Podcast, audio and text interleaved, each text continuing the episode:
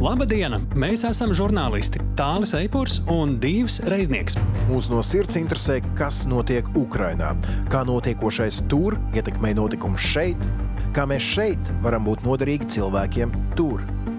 Lai labāk izprastu notiekošo, mēs dzenamies pakaļ personīgiem stāstiem, kas iemieso šo eksistenciālo cīņu. Mēs skaidrojam, ko globāla ziņu virsraksts nozīmē šeit, pie mums. Jo Ukraina cīnās ne tikai par savu brīvību. Ukraina šobrīd ir arī mūsu drošinātājs. Esiet sveicināti, šis ir raidieraksts drošinātājs un tā 52. epizode. Sveiki, stāli, sveiki, klausītāji!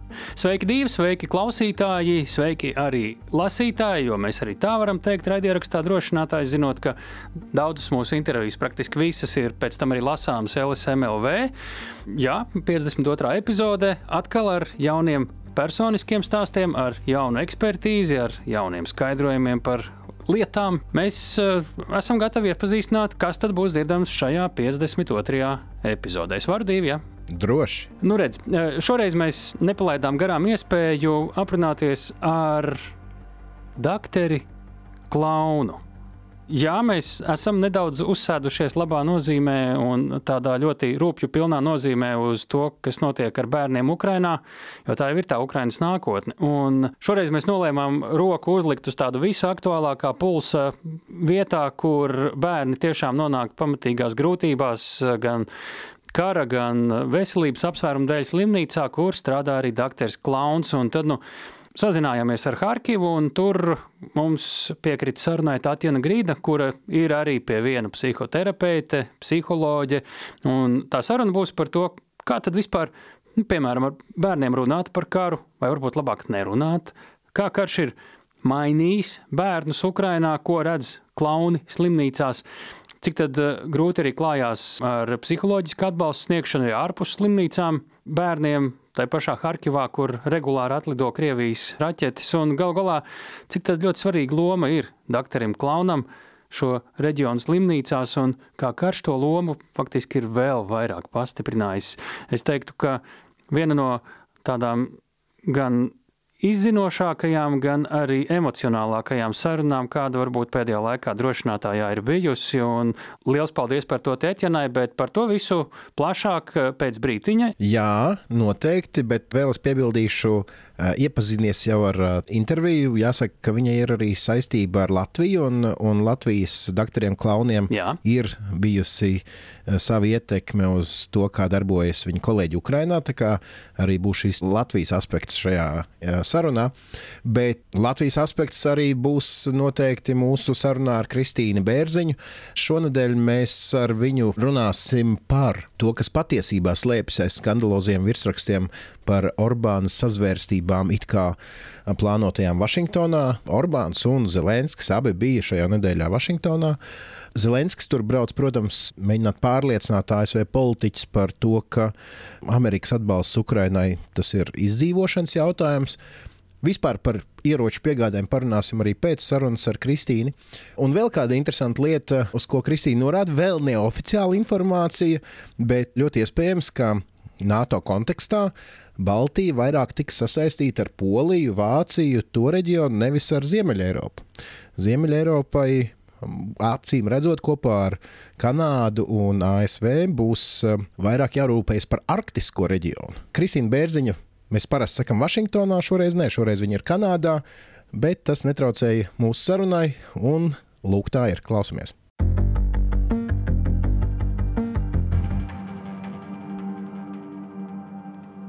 Sveiki, Kristīne! Sveiki, sveiki! Klaunu tieši šajā brīdī, kad mēs ierakstām šo sarunu, prezidents Zelenskis ir Baltijā namā. Viņš ir ticies jau arī ar republikāņu līderiem, bet mums vēl īsti nav skaidrība, ar ko prezidents Zelenskis vizīte Amerikā beigsies. Bet kas šajā brīdī, tavuprāt, ir izceļams no šīs vizītes un vispār ap šīm iekšpolitikas cīņām Amerikā šobrīd? Nu, bieži iekšpolitikas cīņas Amerikā ir bēdīgs tās, un arī, ja mēs skatāmies, ka savā ziņā Zelenskim ir, ir veiksmīgas vizītes, tāpēc, ka pat arī skeptiskais spīkers Džonsons kongresā saka, ka viņš atbalsta Ukrainas cīņu pret Maskavu, pret Krievijas uzbrukumu, bet republikāņi šobrīd sit Baidenam tūļājās, vēlās iekļaut visus imigrācijas jautājumus šajā likumdošanā, republikāņi sita Baidenam, bet trāpa Ukrainai. Tāpēc, ka republikāņu senātas puses vadība Mičs Mikonels saka, ka viņš eh, gaidīs cik vien ilgi nepieciešams, lai izcīnītu imigrācijas politikas jautājumus šajā likumdošanā, kurā arī ir iekļauts, uh, iekļauta visa palīdzība Ukrainai. Un sit Baidenam par to, par migrācijas politiku, par republikāņu šīm prioritātēm, bet kurš cieš ar katru dienu cieš Ukraina. Un Ukrainā krīt šobrīd jau saziedotā palīdzība, un ziema tikai sākās. Trāpa Ukrainai, Ukraina cieš, kamēr mēs katrs savā valstī cīnāmies par iekšpolitikas prioritātēm. Paskaidrojiet, lūdzu, vēlreiz, mēs esam par šo runājuši, bet šajā nedēļā Washington Post iznāca um, klajā ar pētījumu, kurā viņi bija izpētījuši, ka no apmēram 68 miljardiem dolāru, ko ASV sniedz kā uh, militāro atbalstu Ukrainai, aptuveni 90% naudas no šiem 68 miljardiem paliek pašā Amerikā. Proti par ieročiem tiek samaksāts, algas rūpnīcu strādniekiem tiek samaksātas. Jā, un pētījumi arī nāk no konservatīvām domnīcām. Tātad tie, kuri cenšas izstrādāt konservatīvo politiku. Bet uh, izskatās, tad, ka republikāņi ne tikai sit Baidenam un trāpa Ukrainai, bet trāpa arī saviem vēlētājiem, savai rūpniecībai. Daudz tie, kuri izsaka skepsi par Amerikas atbalstu Ukrainai vai lomu pasaulē, Tie politiķi nāk no reģioniem, kuros ražo ieročus. Tur, kur taisa haimārus vai javelīnu sistēmas, tur, kur notiek lādiņu ražošana. Tieši arī daudzās šajās vietās ir skepse, un politiķi to kurina nevis izskaidrot to strateģisko nepieciešamību. Un tas it kā būtu tik vienkārši, Jūs redziet, te, te būs darbi un ieguldījumi, un uh, ekonomika plauks, un Ukraiņai būs labāk, un Amerika būs stiprāka pasaulē. Bet nekā. Jo jautājumi šī momentā ir vairāk tā iekšpolitika par to, ja Baidena valdība, ja Baidena administrācija ir veiksmīga palīdzot Ukraiņai, tad tas nopelns ir Baidenam, un tad ir lielāka iespēja, ka nākamā rudenī atkal ievēl Baidenu par prezidentu un republikāņi to nevēlas. Un brīžiem ir.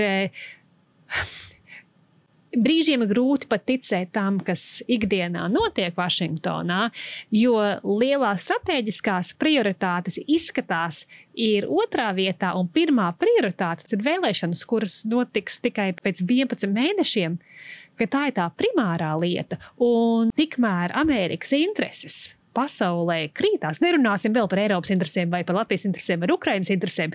Ir runāt tieši to par, par Amerikas spēju piesaistīt sev prestižu vai ietekmi, vai veidot dziļākas, labākas attiecības ar citiem. Tas šobrīd ir visos līmeņos brūk. Ja skatās, kas notiek Venecuēlā vai citur, ka pēkšņi visas valstis cenšas pārbaudīt to, ah, Amerika vairāk necenšas iejaukties, un uh, Amerika negrib lomu vairāk spēlēt globālajā mērogā, un tad visi apmēram tie, kuriem ir vēlme darīt citiem pāri, tagad sāk pārbaudīt, vai drīkstēs. Ja? Tā kā izskatās stipri dramatiski, bet skatoties uz to, ka tas palīdz Amerikas ekonomikai, neskatoties uz to, ka Džonsons var pateikt Zelenskim Vašingtonā, ka ka viņš atbalsta Ukrainu. Nu, atbalsta vārdiem ir viena lieta, bet absolūti kas svarīgākais šo ziemu būs tieši ieroči. Mēs nevaram atļauties vairāk materiāli neatbalstīt Ukrainu. Vašingtonā Zelenskis nav vienīgais uh, līderis no Eiropas, kurš šobrīd atrodas. Ungārijas prezidents Orbāns arī ir um, Vašingtonā. Viņi abi divi pirms tam bija Argentīnā uz Argentīnas uh, prezidenta inaugurāciju, kur viņi bija ekscelenti salikti kopā ar divu krēslu atstatumu. Un bija redzama video, kur viņi e, kaislīgi diskutēja par kaut ko.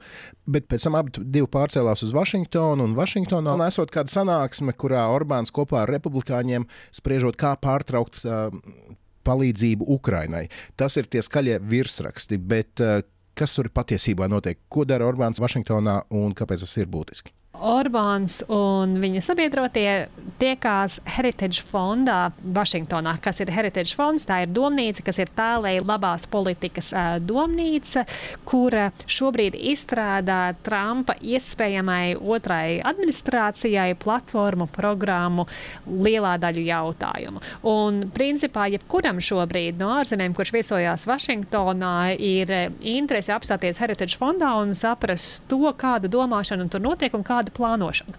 Un eh, tāda tīra Orbāna politika savā ziņā arī ļoti veiksmīga tieši Heritage fondā, tāpēc ka tāda reliģiski konservatīva un ar nacionālām interesēm bāzēta politika, kāda ir e, pamat politika Ungārijā, ir arī ļoti līdzīga tai politikai, kuru Trumps vēlētos atkal ieviest un kādu politiku atbalsta šis fonds. Bet tīri principiāli pret Ukrainu arī Heritage fonds nav. Un tāpēc ir nozīmīgi, jā, viesojās tur Ungārijas prezidents šonadēļ, bet pirms dažām nedēļām Igaunijas premjerministra Kallas arī ciemojās. Tur ir publiskas vizītes, pa kurām runā. Tās nenotiek tīri no vienas puses vai otru, bet e, notiek tāda uh, tirgošanās ar idejām, tajā domnīcā, tālajā labajā politikas stūrītī, kura palīdzēs noteikt, kāda varētu būt nākotnes Trumpa prezidentūra. Tā kā principā arī tas ir mums zināšanai nākotnē, ja mēs redzam kādu ārzemju līderi, esot Vašingtonā un apmeklējot Heritage Foundation mm, pasākums, tad uh, visdrīzāk tas ir tādēļ, ka līderi mēģina jau lobēt savus intereses pie potenciālā prezidenta Trumpa ja viņš tiek ievēlēts. Tad... Jā. Jā. Nu, pie viņa visticamākajiem nākotnes padomniekiem. Heritage fondā ir projekts, kurš saucās Projekts 2025, un tas tieši sagatavo platformu nākamajai prezidentūrai. Tāpēc ir arī svarīgi, un mēs redzam, ka brauc eh, piemēram Orbāns ne tikai vai, vai citi ne tikai aprunāties ar esošo varu, bet arī ar tiem, kuri jau šobrīd ļoti publiski telpā veido tālāko Amerikas eh, iespējamā Trumpa laika politiku. Nu, skaidrs, ļoti labi. Paldies par labu ieskatu Vašingtonas varas koridoros. Klau, bet kamēr Zelenskis un Orbāns ir uh, Vašingtonā, Kristīna Bērziņa, kas parasti rezidē Vašingtonā, nav Vašingtonā, bet to es Kanādā. Uh, kas par lietu, un es saprotu, ka tur arī mums šeit, Baltijā dzīvojošiem, būtu interesanti uzzināt, kur tu esi un ko tu tur esi dzirdējusi. Es esmu šobrīd Otavā, un šeit notiek semināri un diskusijas par eh, tālo ziemeļu sadarbību, par to, kā Eiropas ziemeļvalstis, Norvēģija, Zviedrija, Somija sadarbosies ar Kanādu arī ASV Arktikas jautājumos. Un tad uzreiz mums rodas jautājums, kāda interese podkāstam par Ukrajinu vai Latvijas radio podkāstam ir par kaut kādiem tur tāliem ziemeļiem? Tie tālie ziemeļi no Latvijas strateģiskām interesēm un no Ukrainas īstenībā nemaz nav tik tālu. Tālajos ziemeļos Krievijai ir uh, lielākie kodolieroču krājumi, kolas pusēla, kura ir kodola uh, zemūdens, ir ārkārtīgi strateģiski nozīmīga. Un šīs vērtības, Krievijas strateģiskās lielākās vērtības, nav aiztiktas Ukrainas kara laikā. Un jo vairāk krīt tieši zaudēti, jo vairāk tiek pazaudēts Ukrainā, jo lielāka nozīme ir tam, kas paliek pāri. Un, ja skatāmies, prezidents Putins bija tālajos ziemeļos arī šonadēļ tieši apskatīt jaunas zemūdenes un uzsvērt Krievijas stiprumu, stratēģisko vērtību tālajos ziemeļos. Bet tas nav tikai par to, kurš tagad spēs izbraukt pa Ziemeļjūras ceļiem. Jautājums šeit ir par visu Krievijas spēju iebiedēt un uzbrukt pārējai pasaulē un NATO reakciju pret šāda veida iespējamu agresiju. Un, ja notiktu kaut kas Baltijas jūras reģionā, ja notiktu atklāts karš starp Krieviju un NATO, tas nebūtu tikai tāds jautājums par to, kas notiek Baltijā jūrā, vai kas notiek uz Ukrainas robežas, vai kas notiek Baltijā. Principā būtu karš visur. Un ir jāpieņem to, ka tiktu pielietots īpaši tas, kas līdz šim nav aiztikts. Tāpēc ļoti svarīgi tieši skatīties uz to, kas notiek tālajos ziemeļos. Un bet tālajos ziemeļos arī jaunie sabiedrotie.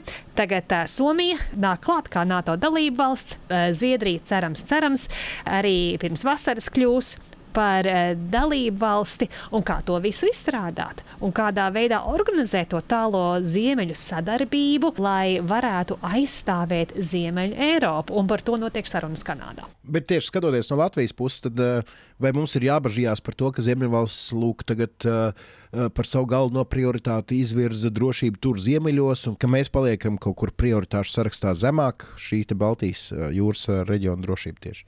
No Rīgas skatoties, protams, e, Zviedrija un Somija ir ļoti tuvas valstis, Baltijas jūras valstis, un mēs izprotam šīs valstis tieši no Baltijas jūras reģiona puses.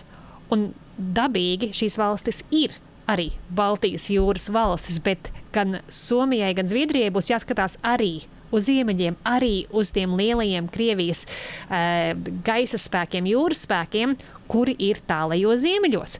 Un vēl vairāk šajās ziemeļu valstīs ir vēlmes sadarboties un turēties kopā, tāpēc ka ziemeļu valstu aizsardzības sadarbība un integrācija gaisa spēkos īpaši dod šīm valstīm lielu nozīmi, lielas spējas, spējas, kuras arī Baltijas reģionam nāk pa labu.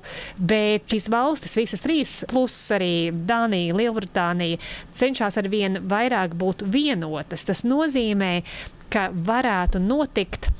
Un tas vēl nav izlemts, bet varētu saorganizēt NATO tā, ka Ziemeļvalstis visas ir vienā blokā, kuru organizē no Ziemeļatlantijas okeāna puses bet Baltijas valstis ar Poliju, Vāciju un tam līdzīgi vairāk tiek integrētas tādā vidus Eiropā no Brunsumas, no Nīderlandes. Protams, arī tad vēl ir, ir, ir, ir citi kontrolas punkti un komandu punkti uh, NATO valstīm, bet šobrīd tiek izstrādāti jautājumi, nu, kas tad ir tā aizsardzība, un ja kaut kas notiktu ar Krieviju, kas notiktu tālajos ziemeļos, un kas notiktu Baltijas reģionā, kas notiktu Melnajā jūrā ar vien tālāk nākotnē. Un rietumu domāšana bieži ir tāda, ka ļoti vēlās uztaisīt reģionus un izstrādāt plānu, kas attiecās tikai uz reģionu. Bet tagad šobrīd ir jāsaprot un jāizstrādā to, kā atrastu līdzsvaru un organizētu to, ka visticamāk, ja kaut kas kaut kur notiktu, tas būtu atklāts NATO Krievijas konflikts,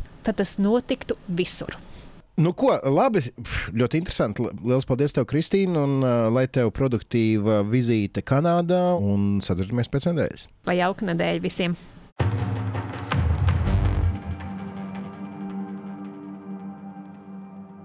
Paldies, Dievu, paldies arī Kristīnai. Un, nu, man jāsaka, tā, man atkal ir kaut kā trāpījies. Ja iepriekš mēs esam šad un tad runājuši par Irānas šahe droniem, kurus man pavisam nejauši kaut kādā aizvēsturiskā versijā ne, sanāca Irānā garām ejot redzēt. Nu, tagad jūs runājat par Kolas pussalu, kuras arī pirms uh, krietniem gadiem gan esmu bijis, redzējis arī zīmīti radioaktīvus netuvoties. Tā kā tas viss ir reāls, diemžēl. Tas, ko es tagad dzirdēju no tevis un Kristīnas sacītā, man tikai pastiprināja to realitātes sajūtu un pastiprina to, cik nopietni mums pret to ir jāizturas sajūta. Paldies, Dievu, un Kristīna, par šo. Nav par ko. E, tagad nedaudz parunāsim par to, par ko šajā sarunā ar Kristīnu mēs pieskārāmies, proti, ieroču piegādes Ukrainai. Jāsaka, tā sekojot pagājušās nedēļas laikā notikumiem un ziņām, man pārņēma līdzīgas sajūtas, kā mani e, pārņēma tajā laikā, kad Baltkrievi cīnījās savā valstī par demokrātiju pret Lukašenko. Un kad bija šīs milzīgas demonstrācijas Minskas ielās, kuras pēc tam tika izdzenātas, un tad viņi atkal nāca ielās, un tad atkal tika izdzenāti. Un tad tā sajūta bija tā, tā kā pa tādiem amerikāņu kalniņiem. Nu, būs, būs, būs izmaiņas. Un nē, nebūs, nekas nebūs. Nē, tomēr kaut kas būs, izm... nu, nu, spēs viņi kaut ko izdarīt. Un beigās nespēja. Un pēc tam varbūt, un saprot, šie amerikāņu kalniņi un tās emocijas, tas man šeit Rīgā sēžot bija. Nu, protams, ka tu nevari iedomāties, kādas tās ir. Bija toreiz Baltkrieviem vai šobrīd uh, Ukraiņiem. Un uh, nedaudz paskrienot notikumiem uz priekšu, uh, mūsu šīs nedēļas lielās intervijas varoni teica šādus vārdus šajā intervijā, ko jūs vēl dzirdēsiet. Es, es izņēmu vienu mazu teikumu. Dažreiz man gribas kliegt uz Eiropu un tās cilvēkiem, lūdzu, palīdziet tikt galā ar šo agresoru, ar šo briesmīgo karu. Un, un tas ir tā, ir tā tēma, kas šajā nedēļā kaut kā ļoti izkristalizējās par to, ka bez rietumu atbalsta Ukraiņu šo cīņu var neizcīnīt, vai arī izcīnīs ar neskaitāmu lielāku upuru skaitu. Tas, ko mēs šajā nedēļā esam dzirdējuši, ka, lūk, piemēram, 40 valstis, kas agrāk nu, kas līdz šim ir piegādājušas kaut kādu palīdzību un piedāvājušas tur palīdzības paketes, finansiālas vai vēl kaut kādas no šīm 40 valstīm, 20 nekādas jaunas palīdzības vairs nesola. Ja runājam par ieroču piegādēm, piemēram, artērijas lādiņu, nosauc man lūdzu tālu, tavuprāt, divus lielākos piegādātājus Ukrainai kas Ukraiņiem piegādā artērijas lādiņus. Divas valstis. Piedod, ka es tev šitā zem sitienu palieku, bet nu, minējums. Labi, labi. Eh, es teikšu tā, eh, tik daudz, ka mēs esam sakojis līdzi, es teiktu, Dienvidkoreja. Ir viena no divām, okay, vai ne? Jā. Kas varētu būt otra? Jo daudzas jau ir daudz ko sūtījušas, bet tieši artērijas lādiņi Vācija. Nē, es patiesībā esmu ļoti pārsteigts un paceļu cepuri tavā priekšā, jo nu, pirmā ir Amerika. Ja? Es tāpēc domājis, ka varbūt tu man gribi iegāzt, tāpēc Ameriku neteicu. Ja? Nu, jā, neredz, bet nu, kādu, ja mēs paskatāmies pasaules karti, tavs minējums būtu ļoti loģisks. Nu, ka top divi būtu jābūt kādai Eiropas valstī, bet nē, divas lielākās artērijas lādiņu piegādātājs, un artērijas lādiņi ir vitāli svarīgi šajā cīņā. Ir Amerika, un pēc tam ir Dienvidkoreja. Pie tam Dienvidkoreja, kuras likumi patiesībā aizliedz piegādāt jebkādus ieročus vai munīciju uz aktīvu kara zonu. Un uh, viņi to veids izmantojot nu, tur tā teikt, caurumiņus likumdošanā un, un it kā dod amerikāņiem, bet amerikāņi pataisno nosūta Ukrainai. Nu, šis ir svarīgs jautājums, par ko ir jārunā un par ko ir jārunā mums ar mūsu politiķiem. Mūsu politiķiem jārunā ar Eiropā un kas arī tiek darīts. Ja mēs runājam par kaut kādām emocionāliem izteikumiem, piemēram, šajā svētdienā prezidenta Zelenska kundze Olēna intervijā BBC teica šādus vārdus. Mums tiešām vajadzīga palīdzība. Mēs nedrīkstam nogurt no šīs situācijas. Jo, ja nogursim, mēs mirsim. Un, ja pasaule nogurs, tā vienkārši ļaus mums nomirt.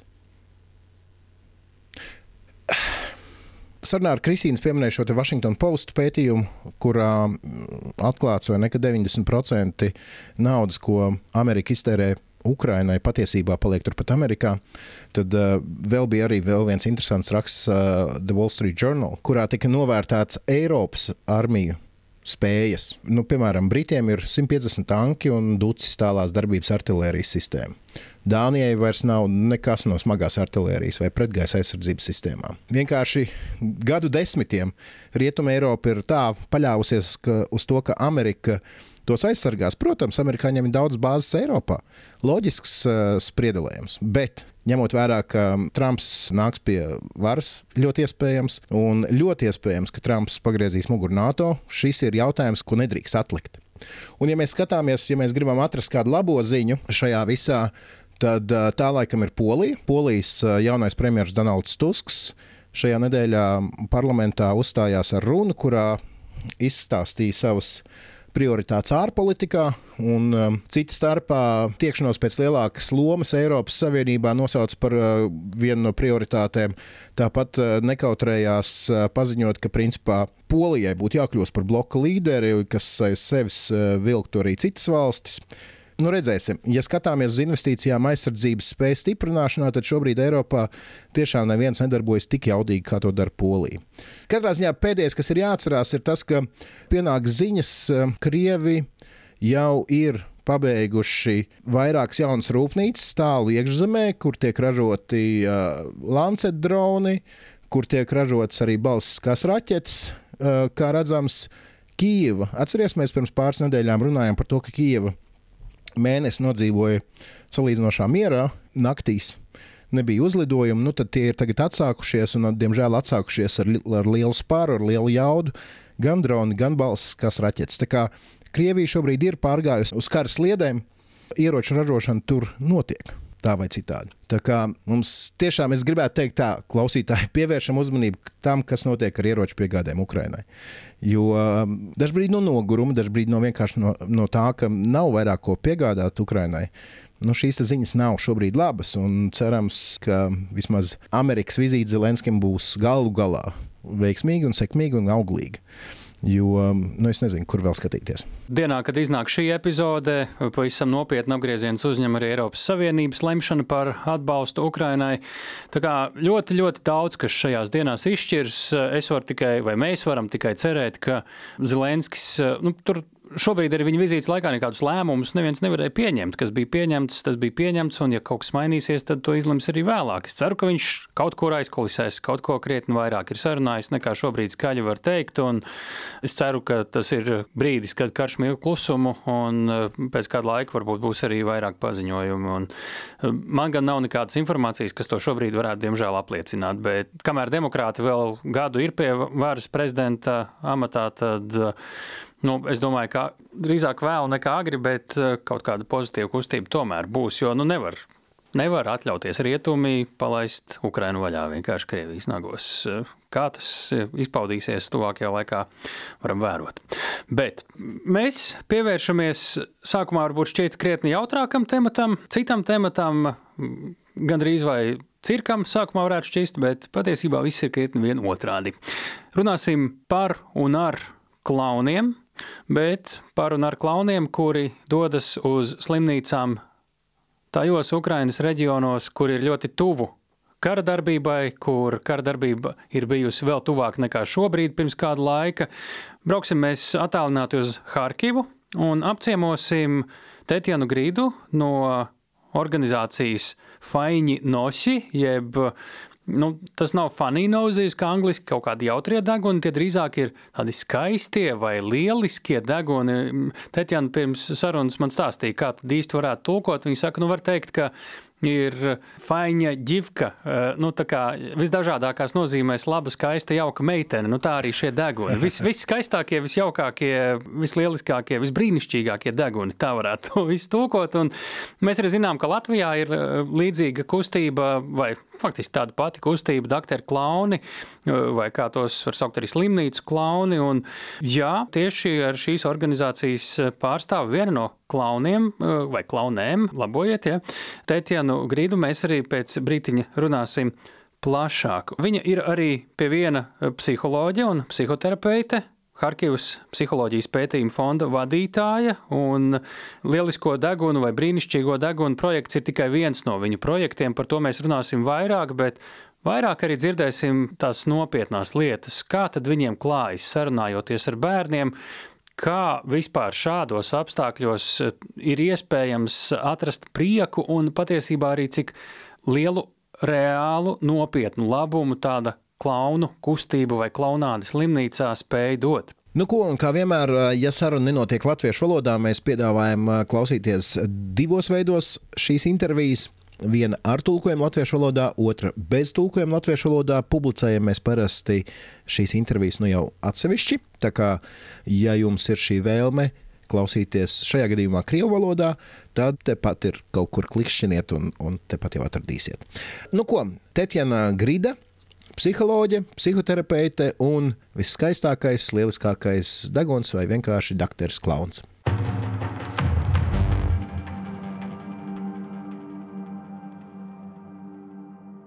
Добрый день. Labdien! Добрый день. Labdien! Мы, mēs zinām jūsu vārdu, jūsu uzvārdu, taču mēs neesam pateikuši vienu citu jūsu vārdu. Lūdzu, iepazīstiniet mūs ar savu doktora klauna vārdu. Komķenas. Да, меня зовут Апельсина. Mani sauc Apelsīna, man ir arī tēva vārds Napoleonovna, bet to es lietoju ļoti reti, tā ka vienkārši apelsīna. Просто апельсина. A, как вы, kad jūs ar bērniem sarunājaties, tas arī ir pirmais, ko viņiem sakāt? Говорите? Нет, это бывает абсолютно по-разному, потому что иногда мы контактируем. Nē, var būt ļoti dažādi, jo reizēm mēs ar bērniem sazināmies bez vārdiem, bet reizēm pasakām, kā mūs sauc. Un tas tad notiek jautri, kā jau klauniem. Tad es, piemēram, iepazīstinu ar savu draugu vai partneri, un tad saku, kā sauc viņu, bet viņš vai viņa iepazīstina ar mani. Mēs arī varam sarīkot spēli, kur bērns var minēt, kā mani sauc. Tas viss var notikt dažādos veidos. Mans klauna kostīms arī saka priekšā bērniem, man ir oranža cepurīte ar zaļu lapiņu. Tas izskatās kā apelsīnam, tāpēc nu diena notiek visādi. Оранжевая с зеленым листиком, очень похожая на апельсинку, поэтому абсолютно по-разному бывает. А почему апельсинка? Un kāpēc tieši apelsīna? Nu, так сложилось. Может, потому что Татьяна любит... Tā vienkārši sanāca. Varbūt tāpēc, ka Tatjana ļoti garšo apelsīnu un apelsīnu sula, un arī oranžā krāsa. Jā, tā tiešām ir. nu, tu, tu ži, nu, tā, tas nav nemaz tik nejauši, bet jā, es redzu, ka tajā visā tiešām ir daudz improvizācijas. Конечно, абсолютно по-разному, потому что мы действительно как клоуны. Tā tiešām ir, jo mēs kā klauni ieejot palātā nezinām, kas tur notiks. Mēs nezinām, kādā stāvoklī ir bērniņš un arī viņa vecāki. Tajā brīdī mēs ar sesto prātu cenšamies noskanēt atmosfēru un to, kas notiek palātā, un tad ar to arī improvizējam, liekot lietā savu spēli. Из нашей игры, которую мы приносим в эту палату. Это уже, nu, te gan var dzirdēt, ka runā jau tāds pieredzējis dakteris klauns. Так, так, да, да. Вкратце, какая... Kāds bija jūsu ceļš līdz klaunādei этого? Дорога была больше 10 лет уже, в 13 году. Tas sākās jau pirms vairāk nekā desmit gadiem, 2013. gadā. Kolēģi psiholoģi pastāstīja, ka ir tāda slimnīcu klaunu kustība, ka Kijivā būs apmācība un iepazīšanās ar to. Līdz tam ne par ko tādu nebiju dzirdējusi. Tā kā es vadu sabiedrisko organizāciju man bija jāsaprot, vai mums tas ir vajadzīgs un vai mēs to varam, divas naktis skatījos YouTube par slimnīcu klauniem. Es nevarēju iemigt no tā, kā mani tas iespaidoja. Tad izlēmu, ka mēs to tomēr darīsim. Sākumā man likās, ka izklaidēt bērnus būs ļoti viegli, jo es parasti esmu kompānijas dvēsele un man patīk būt uzmanības centrā. Vēlāk izrādījās, ka ne viss ir tik vienkārši. Казалось, что ну, веселить детей это так легко. Оказалось, что не все так просто, но это уже было потом. Но решение было принято, и я поддержала свою коллегу. Она поехала, поучилась, привезла эти знания. Bet lēmums bija pieņemts. Kolēģi atveda šīs zināšanas un kontaktus, notika apmācības, apzinājām cilvēkus, kam tas interesēja. Sākumā tas bija brīvprātīgi, bet pamazām, pamazām kādu laiku padarbojoties slimnīcās, mēs sapratām, ka tas nav vienkāršs uzdevums. Tur vajag cilvēkus ar noteiktām īpašībām, ar stabilu psihisko stāvokli un raksturu. Dažu gadu laikā mēs jau kļuvām profesionāli, bet sākumā gan daudz ko nemācījām, vienkārši gribējām iepriecināt bērnus, likt viņiem smaidīt. Tagad gan es saprotu, klauns arī, piemēram, cirkā, tā ir viena no grūtākajām profesijām aktieru mākslā. Klaunam jābūt lielam daudzumam dažādu iemaņu un zināšanu, bet lēnām Harkivā bijām savākuši komandu, tagad esam desmit apmācīti cilvēki.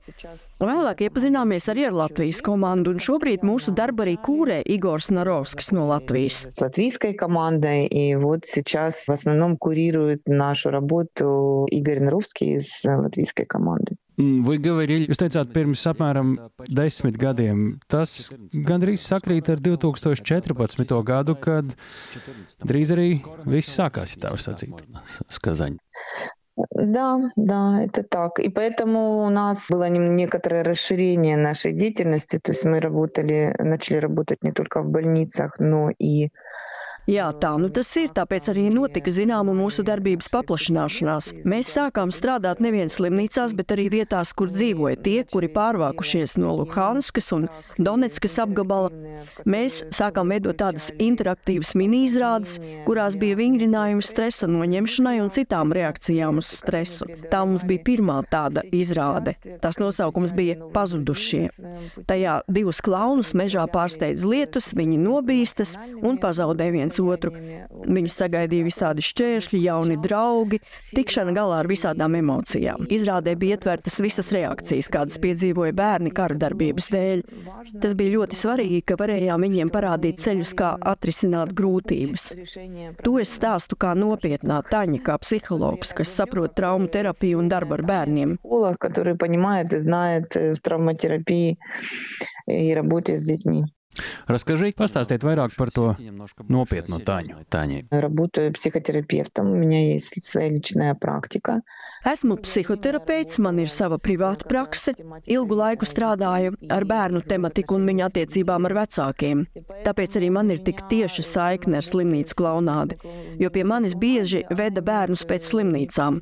Tādus, ka mainījusies uzvedība, pastiprinājusies agresija vai tieši pretēji parādījušās bailes vai nesaprašanās ar ar vecākiem. Man bija jānoņem šī simptomātika. Un arī kā psihologs prātoju, cik gan vareni būtu, ja psihologi varētu strādāt jau uzreiz slimnīcās. Jo ir daudz jautājumu par ārstu izturēšanos un to, kā viņi uztver bērnu kā ārstniecības objektu, vai tomēr veido arī kādu emocionālo saikni, lai bērnam būtu vieglāk pārciest nopietnās medicīniskās procedūras. Lai prinesīt visi tie složnie medicīniskie procedūras В харьковских больницах работа психолога вообще не воспринималась всерьез. Harkivas slimnīcās tolaik psihologa darbu neuztvēra nopietni. Mums tādu nebija. Tikai pēdējo piecu gadu laikā veselības sistēma sāka saprast, ka psihologa darbs ir vajadzīgs tieši slimnīcā. Gan lai palīdzētu bērnam adaptēties slimnīcā un jaunā vidē un ārstēšanā, īpaši, ja runa ir par sarežģītām saslimšanām, onkoloģiju, nefroloģiju, kas ir uz visu dzīvi. Šobrīd mēs ļoti priecājamies priecājamies, ka Ukrainā ļoti nopietni attīstās psiholoģiskais dienests, bet brīdī, kad iepazinu slimnīcu klaunu kustību, es sapratu, ka tas ir jautrs un lielisks veids, kā mēs pamazām varam ienākt slimnīcās un atvieglot situāciju gan tur nonākušiem cilvēkiem, gan arī ārstiem, jo arī viņi sastopas ar spriedzi. Varam palīdzēt viņiem pasmaidīt, pārslēgties, tas arī ir liels mūsu uzdevums. Man kā psihologam ir liela prakse. Darbojos dažādos virzienos. Šobrīd strādāju ar pieaugušajiem. Ļoti daudz ir to, kas kaut kā cietuši kardarbības dēļ. Tāda specifika šobrīd ir psihologa darbam Ukrainā. Такая специфика сейчас у нас работы психолога в Украине. Так теперь вы работаете... Tātad šobrīd strādājat kā psihoterapeits ar pieaugušajiem un kā doktors klauns ar bērniem. Детьми как клоун. Да, да. Jā.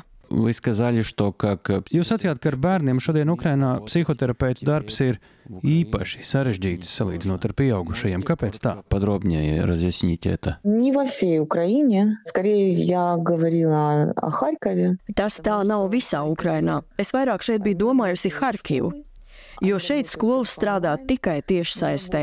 Nestrādā bērnu dārzi, jo ir liela raķešu apšaudes iespējamība. Skolotāji ir, protams, atbildīgi par bērnu veselību, bet neviens nevēlas uzņemties atbildību tad, ja raķete trāpa skolā un iet bojā bērni. Tās būtu neizdzēšamas bēdas, un ne tuvu ne visām skolām un dārziņiem ir bumbu patvērtnes, tur ātri paslēpties nevar.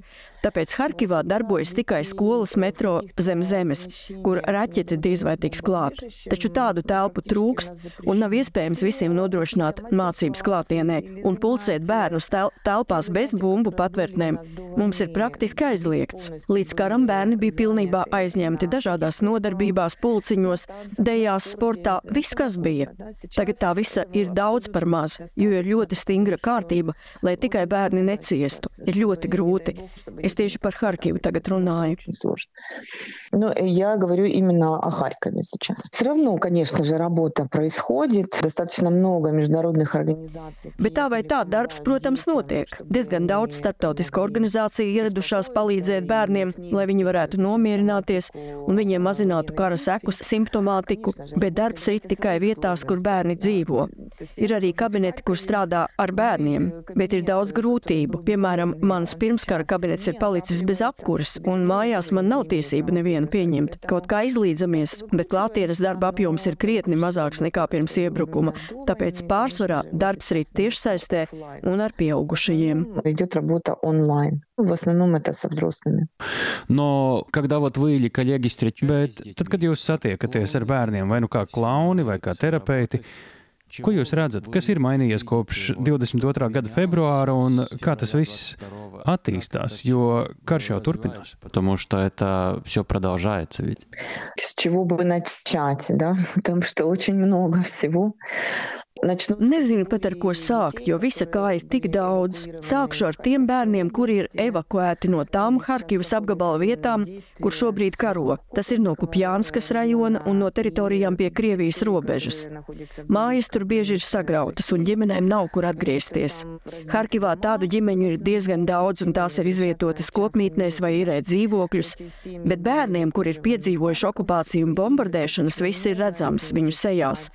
Vispirms jau tas ir dzīves vietas, ikdienas dzīves ritma zaudējums. Tās ir bailes pēc bombardēšanām, bailes gulēt, bailes no skaļiem trokšņiem. Bērni bieži regresē savā emocionālajā attīstībā, it kā kļūst mazāki vecuma ziņā, un tas, piemēram, viņiem liek vēlēties daudz ciešāku saikni ar vecākiem. Viņiem mazinās spēja mācīties, jo ko gan var iemācīt psihiski saspringušam bērnam, turklāt vēl tiešsaistē. Может идти речь, но кроме того, что это еще и онлайн, да, то есть это не живое такое общение. Дети часто остаются без присмотра родителей. Родители заняты bieži arī neviens nepieskata, jo vecāki ir aizņemti ar materiāliem jautājumiem, ar visu savu stresu. Viņi kaut kā mēģina sakārtot dzīvi, diennaktīm strādā, lai tiktu pie kaut kādas naudas. Tāpēc bērniem bieži vien jātiek galā ar sevi pašiem. Arī tas ietekmē psihi. Ir arī tādi bērni, kuri bija aizbraukuši no Harkivas, bieži kopā ar mātēm. Daudz no viņiem tagad ir atgriezušies, lai arī ne tuvu ne visi, un tur ir tas pats. Vecāki ir aizņemti, bērni dienām sēž mājās, viņiem klājas grūti, jo ir zaudēta ierastā socializēšanās vide un draugi, jo daudzi joprojām ir vai nu ārzemēs, vai nu Ukrainas rietumos.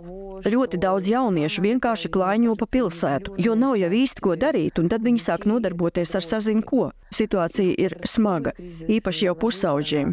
Viņu pusauģu krīze sakritusi ar kara krīzi, draugu un ierastā ritma zaudēšanu. Protams, kā ar viņiem ir jāstrādā, un tas notiek, bet nepietiekami. Tas ir ļoti skumji, tas ir skumji. Tā ir, bet pagaidām mēs, diemžēl, tur neko nevaram darīt. Это очень грустно, это очень грустно, это правда. Но пока, пока мы ничего не можем сделать. Viņa jums saka, atgriezīsimies pie klauna lomas. Tur bērni ir slimnīcās, viņi ir vēl grūtākā situācijā. Viņiem ir kāda trauma vai slimība. Kā karš ir ietekmējis klaunu darbu? To jūt katrā bērnā, katrā gadījumā, vai ir arī citādi? По-всякому. Скажем все-таки про то, что дети есть дети. Bērni ir bērni. Protams, ka viņi nesēž un visu laiku nedomā par karu. Viņu galvenais uzdevums ir rotaļāties, dzīvoties, veseļoties. Kad mēs pie viņiem atnākam, tas viņiem ir liels atbalsts. Mēģinām viņus atgriezt bērnībā, atdot smaidu, sagādāt viņiem vienu pieaugušo, kurš ir pietiekami dumjš, lai kopā varētu aizmukt no visiem pieaugušo pasaules noteikumiem, dot iespēju tikt sadzirdētiem un spēlēties tā, kā bērns vēlas. Un tas ir brīnišķīgi. Bet kopumā karš ir ļoti ietekmīgs ietekmējis mūsu attiecības ar slimnīcām. Tur mūsu darbu šobrīd ļoti novērtē. Tur gan šobrīd ir atvērti jebkādai iedzīvotāju un organizāciju palīdzībai, bet tā kā mēs strādājam jau labu laiku, mēs esam īpaši gaidīti. Un mēs arī ar prieku strādājam. И мы с удовольствием работаем и с медперсоналом. Сейчас это более теплые отношения, потому что мне кажется, что война усилила. Un arī ar personālu mūsu attiecības kļuvušas daudz siltākas. Manuprāt, karš ir pastiprinājis cilvēcisko attiecību svarīgumu. Tās kļuvušas cieņpilnākas. Tāpēc klauniem durvis ir atvērtas un mēs strādājam ar visiem. Izklaidējam bērnus, kā nu protam. Bērni un diagnozes ir dažādas. Onkoloģiskie pacienti slimnīcās ir ilgi, ambulatoros gadījumos cenšas, lai bērni pēc iespējas vairāk būtu mājās. Pats galvenais ir nodibināt kontaktu ar bērnu, un tālāk jau mēs zinām, kā tikt galā. Ja viņam vajag dusmoties, piemēram, pasakot, ka negrib spēlēties ar klaunu, jūs visi esat muļķi, tad arī tas mums der, jo viņš ir spējis vispār kaut ko pateikt un atjaunot kontroli pār savu dzīvi. Ja bērni reaģē ar smaidu un interesi, mēs sākam meklēt viņam vispiemērotāko rotaļu. Мы ходим и ищем непосредственно ту игру, которая была бы для него сейчас самой важной. Я почувствовал такую ноту, но я должен... Es pareizi sajūtu, ka jums un kolēģiem klauniem šīs tikšanās ar bērniem arī palīdz tā kā atslēgties no tā, kas notiek apkārt un kaut kādā veidā palīdz arī jums pašiem. Vai varbūt arī tieši otrādi tas paņem daudz spēku vai iztukšo. Izstāstiet, kā tur ir. Я могу только вот вопрос задавать. Расскажите, пожалуйста. Вы знаете, очень здорово, что вы задаете такие вопросы, потому что это действительно так и есть. Ir ļoti labi, ka jautājat šādus jautājumus, jo patiešām mēs no miedarbības ar bērniem gūstam lielu gandarījumu. Mēs paši nonākam tajā bērnu stāvoklī, protams, nezaudējot pieaugušā funkcijas un spēju atbildēt par notiekošo. Bet spēja rotaļāties, manuprāt, var daudz dot arī pieaugušajiem. Spēlējoties, var pārstrādāt jebkuru traumatisku materiālu. Kad redzam, ka rotaļa aizrauj bērnu, aizrauj mammu, un bērns redz, ka māte pakāpjas nos no visa tā skumjā, kas ir apkārt, ka viņa smaida un redz smaidām savu bērnu, tā ir liela laime. Mēs no tā pamatīgi uzlādējamies un izbaudām to. Mēs sajūtamies radoši, dzīvi, priecīgi. Tas, protams, ir lieliski.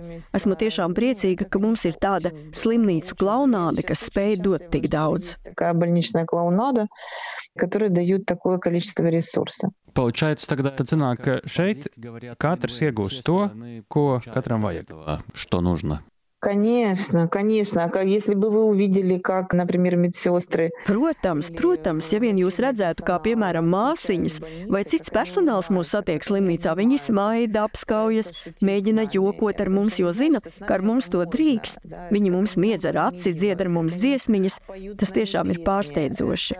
Что-то удивительное. Правда.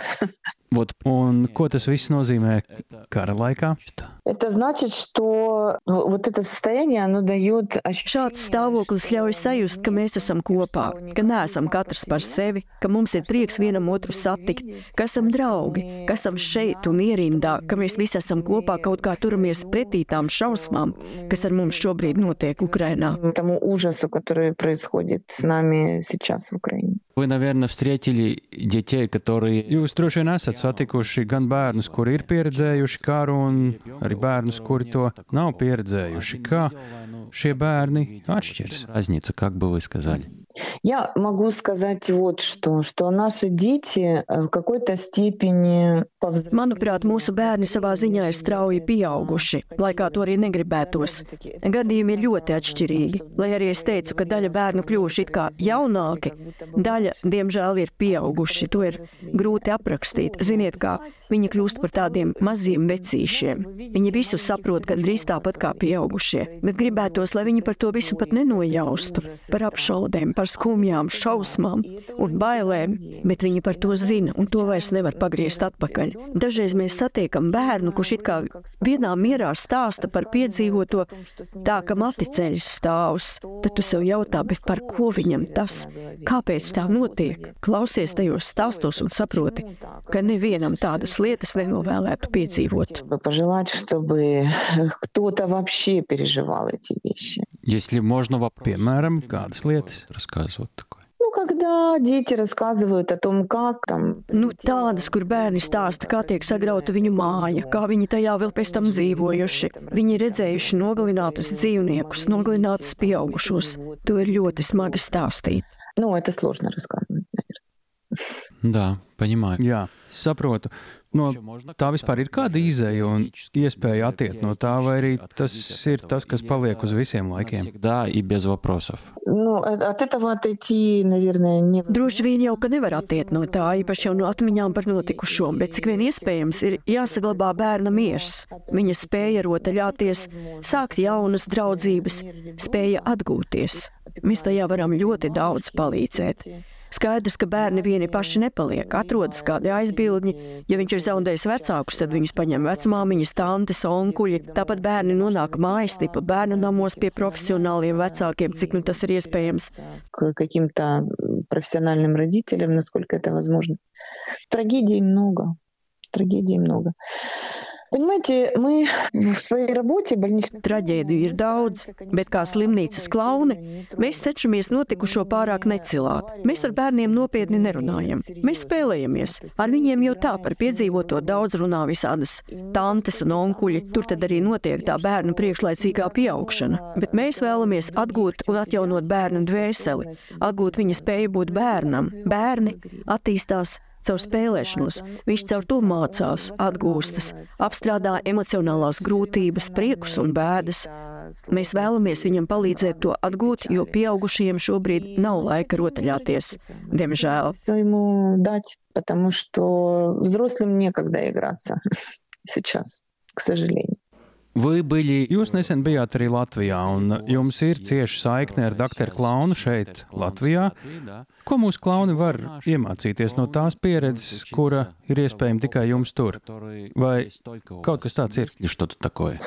Ну, конечно, тот проект, в котором мы сейчас участвуем. Protams, projekts, kurā mēs šobrīd piedalāmies, mums deva iespēju atbraukt pie jums, no vienas puses nedaudz atgūties, bet no citas parunāt, izstāstīt par sevi, par to, kas pie mums notiek. Jo patiešām dzīvojot šeit Eiropā, daudziem ar prātā nevar ienākt, ka 21. gadsimtā iespējams kaut kas tik šausmīgs un baisa. Protams, ka Latvijas klauniem bija ļoti svarīgi dzirdēt mūsu sacīto, dzirdēt mūsu personīgos stāstus, nedaudz sajust un saprast, kas ar mums notiek, saprast mūsu reakciju un kas notiek ar mūsu bērniem. Piemēram, esot šeit Latvijā, mēs tikai ceturtajā dienā sākām atslābināties. Pirms tam mēs reaģējām uz skaļiem trokšņiem, uz lidmašīnām. Ķermenis saspringa neatkarīgi no apziņas, izdzirdot atkritumu mašīnas rūkoņu. Man tādas skaņas ir ļoti satraucošas. И эти звуки для меня такие достаточно устрашающие. Вот. И поэтому, конечно, им было очень важно это все услышать. Для того, чтобы найти... Latvijas klauniem tas bija jādzird, lai saprastu, kā satuvināties ar bērniem, kuri atbraukuši no Ukrainas. Kaut vai tāpēc, lai nepadziļinātu viņu traumas, tā vietā mēģinot izvilkt bērnu no tāda stāvokļa. Daļa bērnu devās prom agri un sprādzienus nav dzirdējuši, bet daļa ir. Bet pats svarīgākais, ko paveic Latvijas klauni, ir tas, ka viņi kļūst par mūsu bērnu draugiem. Tas svarīgi stāvokļi stāvokļa uzlabošanai, jo mūsu bērniem ir sarautas saites vienam ar otru. Un ārzemēs daudzi cieš no draugu trūkuma, viņiem nav ar ko pavadīt laiku un runāties, nav to dziļo saišu, kas bija šeit, Ukrainā. Paies ilgs laiks, līdz bērns sapratīs, kāda ir šīs valsts specifika, kā te viss darbojas un kur viņš vispār atrodas. В чем специфика этой страны? Пройдет немало времени. Klauna, ka, ka tu, nu tad klauni sanāk kā tāds tilts un ceļš starp to bijušo un to, kas vēl priekšā. Этап, да? Конечно, конечно. Nu, в нашей работе мы используем онлайн-формат. Protams, mūsu darbā klauni liek arī tiešsaistes formātu. Tas noder ar tiem bērniem, ar kuriem mēs sazinājāmies agrāk, bet kuri nu ir aizbraukuši. Mēs ar viņiem uzturam saikni un spēlējamies tiešsaistē. Un daudzi vecāki mums saka, ka mēs esam vienīgā saikne, kas viņiem palikusi ar Ukrainu. Tas ir ļoti svarīgi svarīgi īpaši bērniem ar atšķirīgu attīstību, jo viņi bieži ir piesaistīti mājām un vecākiem, viņiem ir ļoti grūti socializēties. Теперь в Латвии, Latvija arī ir robeža ar agresoru valsti, un daudziem vienkārši ir bail par to, kas varētu notikt tālāk, un bērni to visu arī redz un jūt. Kā jūs teiktu, kā vecākiem par tādām lietām runāt ar bērniem? Man šķiet, ka es šādas bailes saprotu, bet pirms tam es gribētu pateikties Latvijas iedzīvotājiem par atbalstu, ko mums sniedzat. Ukrainas karoga daudzums, ko pie jums redzējām, aizkustināja līdz dvēseles dziļumiem, un arī attieksmi, ko cilvēkos sajūtām pret ukraiņiem, ir grūti aprakstīt vārdos. Это не передать словами. А что касается родителей, как они подготовили детей. Nu, ja... Bet, ja runājam par vecākiem un to, ko teikt bērniem, manuprāt, nav vērts stāstīt visus tos šausmu stāstus. Arī tas var traumēt. Psihologi to sauc par notikumu liecinieka traumu. Es teiktu, ar bērnu vajag vairāk kontaktēties, spēlēties, uzklausīt un sadzirdēt, pievērst uzmanību, pavadīt laiku kopā. Manuprāt, tas ir pats svarīgākais. Un galu galā esmu droša, ka jums tādas briesmas nedraud. Jūs tomēr esat zem NATO aizsardzības lietu sarga. Bet, jebkurā gadījumā, pie pirmajām nopietnajām briesmām jāgādā par bērnu drošību, vest viņus kaut kur prom, lai viņiem tas viss nebūtu jāpiedzīvo un jādzird. Es nezinu, cik man ieteikumi ir noderīgi, bet, manuprāt, bērnus nevajag biedēt ar karu priekšlaicīgi, kamēr vēl nekas nav noticis, bet izstāstīt, ka kas tāds notiek, kas ir karš, kā sev palīdzēt, tas tāpat ir svarīgi. Война, как можно себе помочь, это важно, мне кажется kāpēc это важно. Еще я хотел vēl es gribēju pajautāt, ko dakteri klauni dara tādos gadījumos, kuros jūs redzat, ka vairs nekādi īsti nevar palīdzēt, lai arī problēma tur ir liela. Хотя проблема большая. Вы знаете, у нас э, есть такая защита очень хорошая. Это наш клонский носик. И мы... Ziniet, mēs vienmēr varam paslēpties aiz mūsu klauna deguna, un mēs svēti ticam, ka ik viens bērns ir vesela pasaule. Tik interesanti, lai būtu vērts ar to satikties un rotaļāties. Protams, ka ir ļoti sarežģītas situācijas, bet no tā, ko zinu par mūsu meiteņu darbu, visgrūtāk ir tad, kad bērniņš aiziet, kad viņš mirst. Mēs pie tā pēc tam strādājam ar supervizoriem, atgūstamies, jo vienmēr ir ir smagi redzēt, ka slimība bērniņu ir pieveikusi. Turklāt nevis pašu bērnu personību, bet viņa ķermeni. Un tas nekur nav pazudis. Bērni joprojām aiziet ar onkoloģiskām slimībām un citādi, un mēs tur neko nevaram līdzēt. Darboties ar šādu bērnu ir visgrūtāk. Nekas cits nav tik grūts. ну, сложнее всего. Все остальное не имеет такой сложности. Потому что ну, мы работаем и в хосписе, то есть хоспис это место, где... Mēs strādājam arī hospisos, vietās, kur ir bērniņi ar slimībām, kas nav savienojams ar dzīvošanu. Mēs nezinām, kad tas notiks. Dažiem arī nav dzirdes vai redzes, ar kādu ir grūti kontaktēties, bet mēs mēģinām viņos ieraudzīt bērnus un atrast vietas, caur kurām ar viņiem kontaktēties, padziedāt dziesmas, radīt kādas skaņas, ieskatīties acīs, ieklausīties. Un tā jau ir uzvara. Tas mums ļauj priecāties par katru reakciju, jo tā ir laime būt kontaktā ar bērnu. Любой реакции, потому что это счастье иметь контакт с ребенком. Еще один вопрос. Un vēl viens jautājums no kastītes dažādi jautājumi. Tas ir par valodu. Tās lietojums Ukrainā šobrīd ļoti mainās. Īpaši jau reģionos, kurus pirms iebrukuma mēs saucām par krievalodīgiem. Bērni, es pieļauju, diezgan viegli varētu adaptēties tādā situācijā, taču arī no viņiem tas gan jau kaut ko prasa. Arī jūsu reģions ir viens no tādiem. Для нас это не, не проблема. Сейчас... Mums tā nav problēma. Šobrīd ar jums runājos krieviski, jo jūs nezināt ukraiņu valodu, un intervijas skan arī kanālā ar krievalodīgu auditoriju. Bet visa mūsu komanda izlēma, ka mēs strādājam un dzīvojam tikai ukraiņu valodā. Un mums nav nekādu grūtību ukraiņu valodā kontaktēties ar bērniem. Mums tas ir pašsaprotami, un vismaz mūsu reģionā nav nekādu problēmu vai neizpratnes. Bērni ļoti viegli pāriet uz ukraiņu valodu. Pat ja viņi to nedara, mēs turpinām runāt ukrainiski un visi viens otru saprot. Mums arī pirms kara nebija nekāda īpaša problēma. Protams, ka par to tiek runāts, ir svarīgi par to runāt. Lielāka varbūt ir pieaugušo pretestība, bet šobrīd tiešām daudz kas mainās, bet mēs strādājam un dzīvojam ukraiņu valodā. Крию валоду не летуем. Мы работаем и живем на украинском, не используя русский язык. Расскажите, pastāstiet, lūdzu, vairāk arī par savu organizāciju.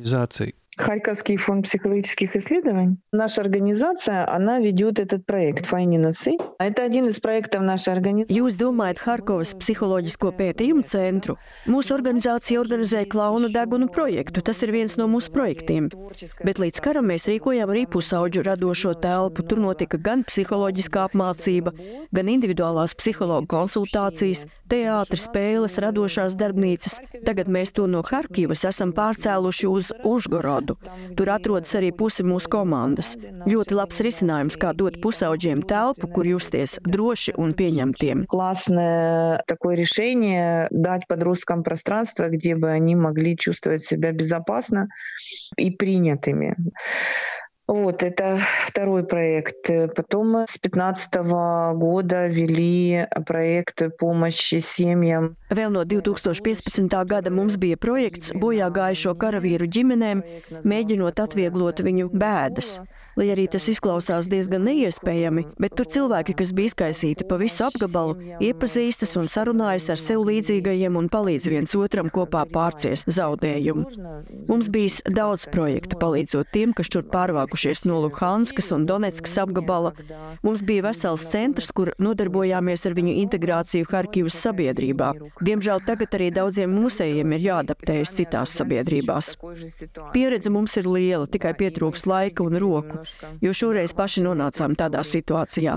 Tā piemēram, pirms piecām dienām bija apšaude Harkivā, naktī sprāga piecas raķetes. Es šausmās pamodos no šīm skaņām, un jaunu raķetes trāpa manā mājā. Tāda tagad tā realitāte. А вдруг эта ракета может попасть в мой дом? Да, ну, сейчас такая реальность. Kā mēs, tie, kuri jūsos tagad klausāmies, varam jums palīdzēt, ja neskaita to, ko jau dara Latvijas doktora klauna organizācija? Можем помочь вам. Ļoti plašs jautājums, ļoti plašs. Pāračku primēru. Nu, vismaz tad pāris piemērus. Парочку примеров. Иногда мне порой хочется кричать в Европу к людям с Pāris piemēru. Dažreiz man gribas kliegt uz Eiropu un tās cilvēkiem. Lūdzu, palīdziet tikt galā ar šo agresoru, ar šo briesmīgo karu. Es labi zinu, ka saņemam lielu palīdzību. Tas, kā mūsu organizācijai palīdz mūsu dakteris Klauns, ir neaprakstāmi. Pirmais, kas pie mums uz karā esošu valsti atbrauca, bija Igors Narovskis. Šī tikšanās mums ļāva sabraukt vienu vietu, jo pirms tam karš mūsu komandu bija izkaisījis pa visu Ukrainu. Tas mums ļāva atjaunot mūsu darbību, lai arī likās, ka tas nav iespējams. Igors arī veic supervīzijas, un doktori klauni mūs Latvijā ļoti silti sagaidīja. Tagad mums ir divreiz vairāk draugu. Mēs ļoti ceram, ka šī draudzība mums būs uz visiem laikiem. Это для нас очень большое подспорье и надежда, что эта дружба будет теперь навсегда. Конечно, не хватает, возможно, каких-то иногда средств для того, чтобы охватить большую аудиторию детей. Protams, kā arī mums trūks līdzekļu, lai aptvertu plašāku bērnu auditoriju šeit, Harkivā, Ukrainā. Tāpēc materiālā palīdzība mums būtu ļoti svarīga, jo arī mūsu klauniem gribas ēst. Nu, vismaz šad tad. Viņiem jābaro arī savas ģimenes, jo tagad jau visa palīdzība aiziet karavīriem, lai viņi varētu mūs pienācīgi aizstāvēt kaujas laukā. Un skaidrs, ka tad tādi slimnīcu klauni piemirstas, bet palīdzība ļoti noderētu. Bet cik redzu, Latvijā jau tā daudzi palīdz ar naudu, ar vārdiem un atbalstu, pat lobē mūsu ANO un citādi pārstāv Ukrainas intereses. Mums tas ir ļoti svarīgi. Ja знаю, что... Es zinu, ka jūs vēlējāties pateikt arī kādu īpašu paldies. Спасибо. Мы в этом году выиграли грант на проект, благодаря которому мы, собственно, смогли... Mēs šogad ieguvām grantu projektā, kas mums deva iespēju atbraukt uz Latviju un sadarboties ar mūsu kolēģiem no Dakteris Klauns. Projektu finansē Eiropas projekts Culture Helps, jeb Kultūra palīdz. Vācijā šo projektu realizē organizācija Zuza. Mēs esam ļoti pateicīgi par šo atbalstu un mēs varam darboties tālāk. Мы можем действовать дальше. Спасибо огромное. I mēs katram mūsu raidierakstu sarunbiedram vienmēr beigās arī pajautājam, ko mums novēlēt jums personīgi, pažēlēt. Мне лично? Ai. Man personīgi tāds aizkustinošs jautājums. Protams, gribētos veselību un spēku, lai to visu izturētu, lai mēs nezaudētu optimismu un tas viss beigtos. Un ne tikai lai viss beigtos, bet lai mēs no šī kara izietu kā uzvarētāji. Большое спасибо вам. Спасибо большое. Спасибо вам большое Paldies за par ваш jūsu интерес, interesi, jo mums tā ir ļoti потому svarīgi. что для нас это очень важно.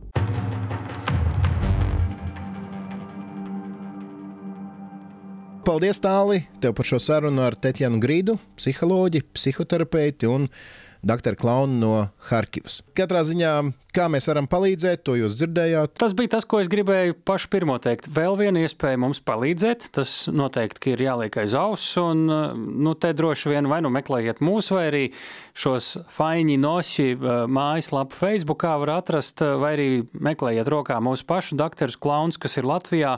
Jau Tetjanas pieminēto Igoru Narovski, es domāju, ātri vien savedīs kopā, ja tiešām jūs redzat, ka varat palīdzēt vai finansiāli vai kā citādi. Un, Nu jā, pieminētais Igors, viņš ir tāds labais gans šiem Ukraiņas klauniem. Ja jūs dzirdējāt vārdu supervīzija, tad, ja es nekļūdos, tad psihoterapijā un psiholoģijā tas nozīmē, ka visiem šiem cilvēkiem, kas strādā ar saviem klientiem un pacientiem, tā skaitā bērniem, nu viņiem ir smagi brīži, un arī viņiem pašiem vajag to atbalstu un izrunāties ar kādu kolēģi speciālistu, un to brīdi tad arī sauc par to supervīziju, ka kāds vēl tevi pieskata. Un pārbauda, vai viss ir labi pēc tam, kad tu esi risinājis kādu sarežģītu psiholoģisku uzdevumu. Un, nu jā, un Igors Narovskis ir tas, kurš krietnus gadus sadarbojas ar šiem Ukrainas eh, slimnīcu klauniem, un viņš arī ir, kā Tetjana stāstīja, devies arī vēl īsi pirms Covid, nezinot vēl, ka viss būs ciet un eh, palīdzējis ar šīs kustības attīstīšanu tur Harkivas pusē, un viņš arī ir bijis tas, kurš ieradās Ukrainā un palīdzēja pirmais viņiem eh, arī tad, kad bija sācies karš. Kā, kā būtu angliski teikt, šautauts Igoram Narovskim, bet mēs vienkārši viņam droši vien varam latviešu valodā pateikt paldies par eh, to, ko viņš ir darījis līdz šim un turpina darīt. Man nu, ļoti patīk arī viens tāds simbolisks teikums. Es tagad vairs godīgi neatceros, vai tas izskanēja intervijā, vai to mēs pirms vai pēc sarunas ar Tētienu runājām, ka nu, jā, tā doktora klauna kustība Ukrainā bija krietni vien izkaisīta un izšķaidīta tad, kad sākās karš, jo katram savas ģimenes vai darbu lietas, un katrs nonācis bija vai daudzi nonākuši dažādās Ukrainas vai pasaules malās. Tas, ko viņi pateica, tā, tas man tā arī emocionāli pieklauvēja, bija, ka Arī tad, kad viņi devās prom, katrs no viņiem līdzi ielika to savu klauna degunu. Tā kā, liels paldies Tietinai vēlreiz par šo sarunu. Dakteris Klauns ir tā lieta, kur mums jābūt pateicīgiem, gan ka tāda ir Ukrainā, gan arī visiem liels paldies tiem labajiem cilvēkiem, kas ar šo nodarbojas arī Latvijā. Cik ir dzirdēts, nu, viņi dara neatsveramu darbu. Ja jums šī saruna šķiet svarīga. Droši arī padalieties ar to, sūtiet uh, linkus vai nu uz mūsu pilno raidierakstu epizodi, vai arī uz šo atsevišķo interviju, kas bija Krievijas valodā, vai arī nedēļas nogalē LSMā noteikti būs uh, jau rakstiskā formātā ar fotografijām un tam līdzīgi. Tā kā padalieties. Es tev ar vienu lūgumu, divu ļausim. Ja, no. Tiem, kuri liek tos laikus mums, es jūtos ļoti labi par katru no tiem, bet vēl labāk es jūtos tad, ja tiešām jūs padalāties ar gan X eh, tīklā, gan eh, Facebookā, gan Instagramā, jo tad to tiešām ierauga arī citi, un eh, tas silda mūsu sirdi, jo tad mēs redzam, ka jūs uztverat, ka arī citiem būtu vērts to dzirdēt. Paldies tiem, kuri to līdz šim ir darījuši, un tas tiešām mums ir ļoti svarīgi. Un ne tikai mums, protams, tas ir visiem tiem, kuriem Ukraina ir svarīga. Ne, nu, tieši tā, ne par tiem laikiem, ne jau tāpēc, ka mēs krājam zvaigznītes sev pie krūts.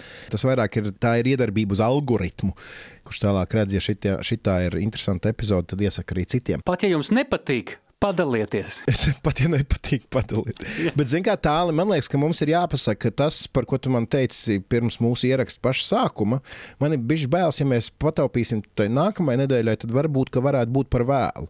Es pamanīju, tavi draugi. .lv zināma organizācija, mums labi zināma, Latvijā labi zināma, gatavo dāvanu ekspresi Ukraiņas bērniem. Aiziet uz tavi draugi.lv. Un uh, turpat uzreiz redzēsiet Ziemassvētku ekspresu.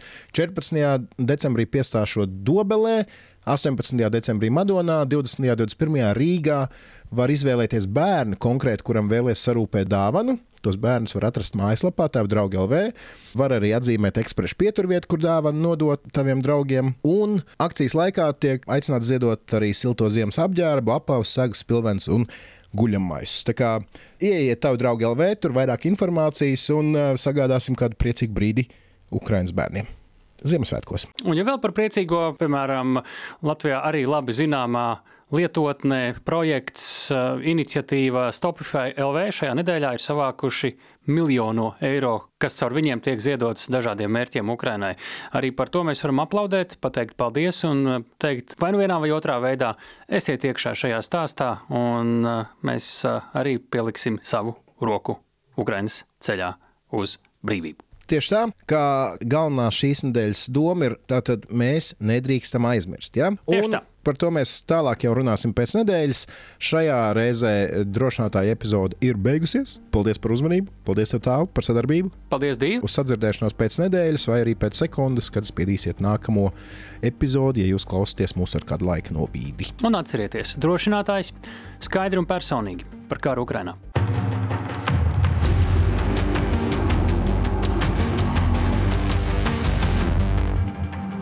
Raidieraksts drošinātājs.